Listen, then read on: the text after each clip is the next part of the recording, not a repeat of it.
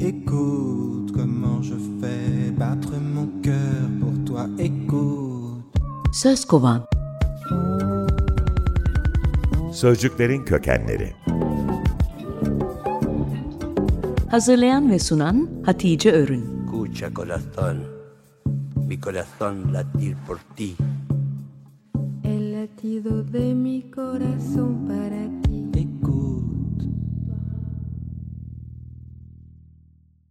İsim şehir oynuyoruz, sözcükleri kovalıyoruz.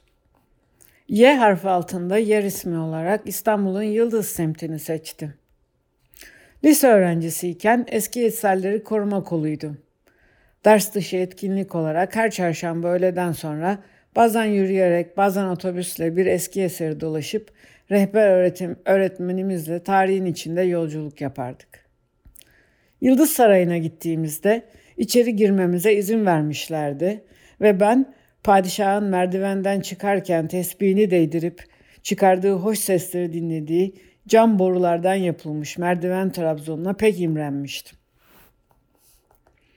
Yıldız Sarayı'nın olduğu yer 15. ve 16. yüzyılda padişahların avlandığı Beşiktaş Tepesi korusu diye bilinen bir korulukmuş.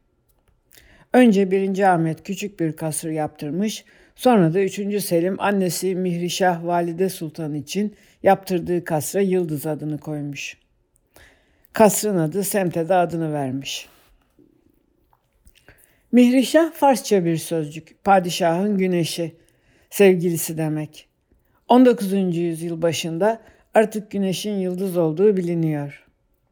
Mihrişah Valide Sultan, Gürcistanlı bir Ortodoks papazın kızı. Asıl adı Agnes. Bakire saf demek. Hristiyanlıkta Agnus Dei diye bir deyim de var. Allah'ın kuzusu anlamında. İsa peygamber için kullanılan. Bir tane güneş var ama birden fazla Mihrişah var. Üçüncü Selim'in babaannesinin ismi de Mihrişah.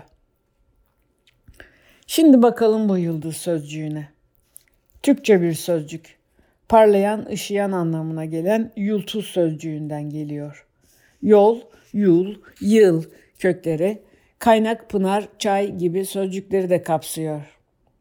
Yulak yani yalak, küçük çeşme, pınarcık anlamını taşırken yula, ışıldak ya da kandilde parlamaya devam etmiş.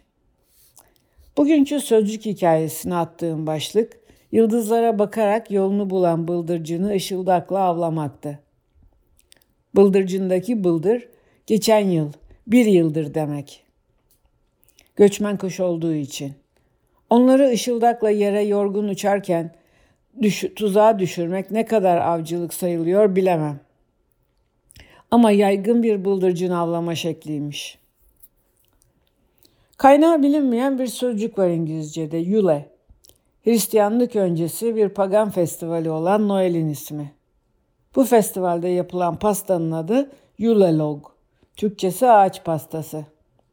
Ağaç gövdesi şeklinde yapılıp içindeki rulo kestane püresiyle sarılıyor. Üzeri çikolata ile kaplanıp ağaca benzetildikten sonra kenarları marzipandan yapılmış mantarlarla süslenen yılbaşı pastası. Yıllar önce bir söz kovan arkadaşım Yule sözcüğünün Türkçeden Keltçe'ye geçmiş olduğunu söylemişti.